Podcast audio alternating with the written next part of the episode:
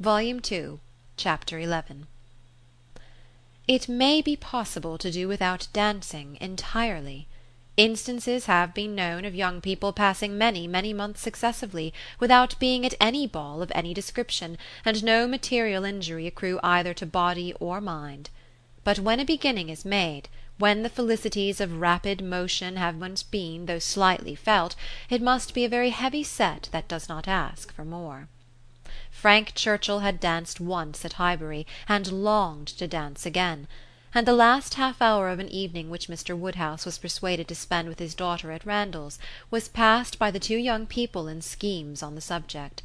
Frank's was the first idea, and his the greatest zeal in pursuing it; for the lady was the best judge of the difficulties, and the most solicitous for accommodation and appearance. But still she had inclination enough for showing people again how delightfully Mr. Frank Churchill and Miss Woodhouse danced; for doing that in which she need not blush to compare herself with Jane Fairfax, and even for simple dancing itself without any of the wicked aids of vanity to assist him first in pacing out the room where they were in to see what it could be made to hold, and then in taking the dimensions of the other parlour in the hope of discovering, in spite of all that Mr. Weston could say of their exactly equal size, that it was a little the largest. His first proposition and request, that the dance begun at Mr. Cole's should be finished there, that the same party should be collected and the same musician engaged, met with the readiest acquiescence. Mr. Weston entered into the idea with thorough enjoyment, and Mrs. Weston most willingly undertook to play as long as they could wish to dance; and the interesting employment had followed, of reckoning up exactly who there would be, and apportioning out the indispensable division of space to every couple. "You and Miss Smith and Miss Fairfax will be three, and the two Miss Coxes five," had been repeated many times over. And there will be the two Gilberts, young Cox, my father and myself, besides Mr. Knightley. Yes, that will be quite enough for pleasure. You and Miss Smith and Miss Fairfax will be three, and the two Miss Coxes five, and for five couple there will be plenty of room." But soon it came to be on one side. "But will there be good room for five couple? I really do not think there will." On another. And after all, five couple are not enough to make it worth while to stand up. Five couple are nothing, when one thinks seriously about it. It will not do to invite five couple; it can be allowable only as the thought of the moment." Somebody said that Miss Gilbert was expected at her brother's and must be invited with the rest; somebody else believed Mrs. Gilbert would have danced the other evening if she had been asked. A word was put in for a second young Cox, and at last Mr. Weston naming one family of cousins who must be included, and another of very old acquaintance who could not be left out, it became a certainty that the five couple would be at least ten, and a very interesting speculation in what possible manner they could be disposed of. The doors of the two rooms were just opposite each other. Might not they use both rooms, and dance across the passage? It seemed the best scheme and yet it was not so good but that many of them wanted a better. Emma said it would be awkward, Mrs. Weston was in distress about the supper, and Mr. Woodhouse opposed it earnestly on the score of health. It made him so very unhappy, indeed, that it could not be persevered in. "Oh no," said he, "it would be the extreme of imprudence. I could not bear it for Emma. Emma is not strong. She would catch a dreadful cold. So would poor little Harriet. So would you all. Mrs. Weston, you would be quite laid up. Do not let them talk of such a wild thing. Pray do not let them talk of it. That young man," speaking lower, "is very thoughtless. Do not tell his father, but that young man is not quite the thing. He has been opening the doors very often this evening, and keeping them open very inconsiderately. He does not think of the draught. I do not mean to set you against him, but indeed he is not quite the thing." Mrs. Weston was sorry for such a charge; she knew the importance of it, and said everything in her power to do it away. Every door was now closed, the passage plan given up, and the first scheme of dancing only in the room they were in resorted to again, and with such good will on Frank Churchill's part, that the space which a quarter of an hour before had been deemed barely sufficient for five couple was now endeavoured to be made out quite enough for ten. "We were too magnificent," said he. "We allowed unnecessary room. Ten couple may stand here very well." Emma demurred. It would be a crowd, a sad crowd, and what could be worse than dancing without space to turn in?" "Very true," he gravely replied. "It was very bad." But still he went on measuring, and still he ended with, "I think there will be very tolerable room for ten couple." "No, no," said she, "you are quite unreasonable. It would be dreadful to be standing so close. Nothing can be farther from pleasure than to be dancing in a crowd, and a crowd in a little room." "There is no denying it," he replied. "I agree with you exactly. A crowd in a little room. Miss Woodhouse, you have the art of giving pictures in a few words. Exquisite, quite exquisite. Still, however, having proceeded so far, one is unwilling to give the matter up. It would be a disappointment to my father, and altogether, I do not know that I am rather of opinion that ten couple might stand here very well." Emma perceived that the nature of his gallantry was a little self willed, and that he would rather oppose than lose the pleasure of dancing with her but she took the compliment and forgave the rest. Had she ever intended to marry him it might have been worth while to pause and consider, and try to understand the value of his preference and the character of his temper; but for all the purposes of their acquaintance he was quite amiable enough. Before the middle of the next day he was at Hartfield, and he entered the room with such an agreeable smile as certified the continuance of the scheme.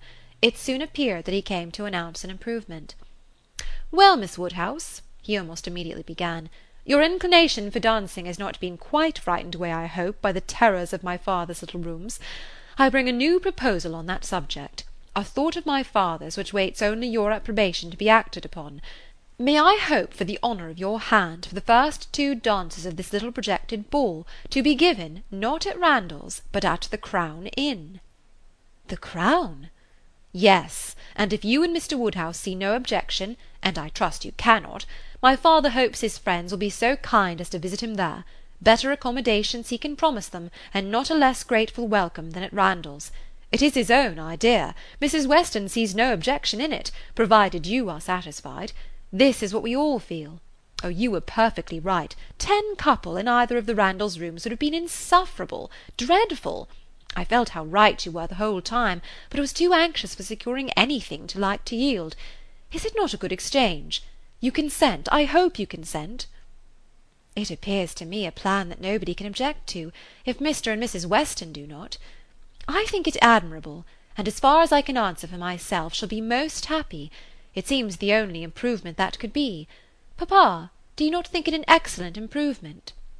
She was obliged to repeat and explain it, before it was fully comprehended, and then, being quite new, farther representations were necessary to make it acceptable.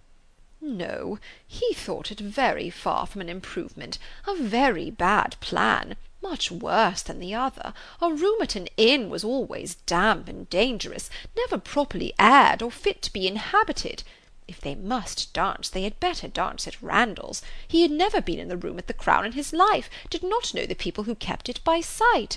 Oh no, a very bad plan. They would catch worse colds at the Crown than anywhere. "I was going to observe, sir," said Frank Churchill, "that one of the great recommendations of this change would be the very little danger of anybody's catching cold. So much less danger at the Crown than at Randalls. Mr. Perry might have reason to regret the alteration, but nobody else could." "Sir," said Mr. Woodhouse rather warmly, "you are very much mistaken if you suppose Mr. Perry to be that sort of character. Mr. Perry is extremely concerned when any of us are ill but I do not understand how the room at the Crown can be safer for you than your father's house." "From the very circumstance of its being larger, sir. We shall have no occasion to open the windows at all, not once the whole evening; and it is that dreadful habit of opening the windows, letting in cold air upon heated bodies, which, as you well know, sir, does the mischief." "Open the windows! But surely, Mr. Churchill, nobody would think of opening the windows at Randalls. Nobody could be so imprudent. I never heard of such a thing, dancing with open windows. I am sure neither your father nor Mrs. Weston, poor Miss Taylor that was, would suffer it." "Ah, sir, but a thoughtless young person will sometimes step behind a window curtain and throw up a sash, without its being suspected. I have often known it done myself." "Have you indeed, sir? Bless me, I never could have supposed it. But I live out of the world, and am often astonished at what I hear. However, this does make a difference, and perhaps when we come to talk it over But these sort of things require a good deal of consideration; one cannot resolve upon them in a hurry. If Mr. and Mrs. Weston will be so obliging as to call here one morning, we may talk it over and see what can be done." "But unfortunately, sir, my time is so limited." "Oh," interrupted Emma, "there will be plenty of time for talking everything over. There is no hurry at all. If it can be contrived to be at the Crown, papa, it will be very convenient for the horses. They will be so near their own stable." "So they will, my dear; that is a great thing. Not that James ever complains, but it is right to spare our horses when we can. If I could be sure of the rooms being thoroughly aired! But is Mrs. Stokes to be trusted? I doubt it. I do not know her, even by sight." "I can answer for everything of that nature, sir, because it will be under Mrs. Weston's care. Mrs. Weston undertakes to direct the whole." "There, papa! Now you must be satisfied. Our own dear Mrs. Weston, who is carefulness itself. Do not you remember what Mr. Perry said so many years ago, when I had the measles? If Miss Taylor undertakes to wrap Miss Emma up, you need not have any fears, sir. How often have I heard you speak of it as such a compliment to her?" "Ay, very true. Mr. Perry did say so. I shall never forget it. Poor little Emma! You were very bad with the measles.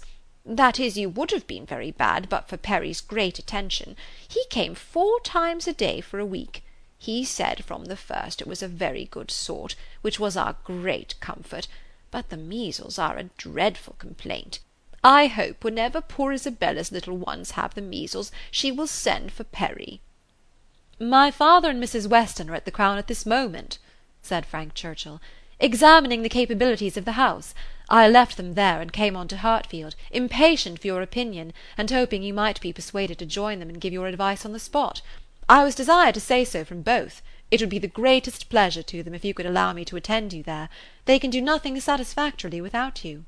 Emma was most happy to be called to such a council, and her father engaging to think it all over while she was gone, the two young people set off together without delay for the Crown. There were Mr. and Mrs. Weston, delighted to see her and receive her approbation, very busy and very happy in their different way; she in some little distress, and he finding everything perfect. "Emma," said she, "this paper is worse than I expected. Look, in places, you see, it is dreadfully dirty, and the wainscot is more yellow and forlorn than anything I could have imagined." "My dear, you are too particular," said her husband. What does all that signify? You will see nothing of it by candlelight. It will be as clean as Randalls by candlelight. We never see anything of it on our club nights." The ladies here probably exchanged looks which meant, "Men never know when things are dirty or not," and the gentlemen perhaps thought each to himself, "Women will have their little nonsenses and needless cares." One perplexity, however, arose which the gentlemen did not disdain. It regarded a supper room. At the time of the ballroom's being built, suppers had not been in question, and a small card room adjoining was the only addition. What was to be done? This card room would be wanted as a card room now, or, if cards were conveniently voted unnecessary by their four selves, still was it not too small for any comfortable supper?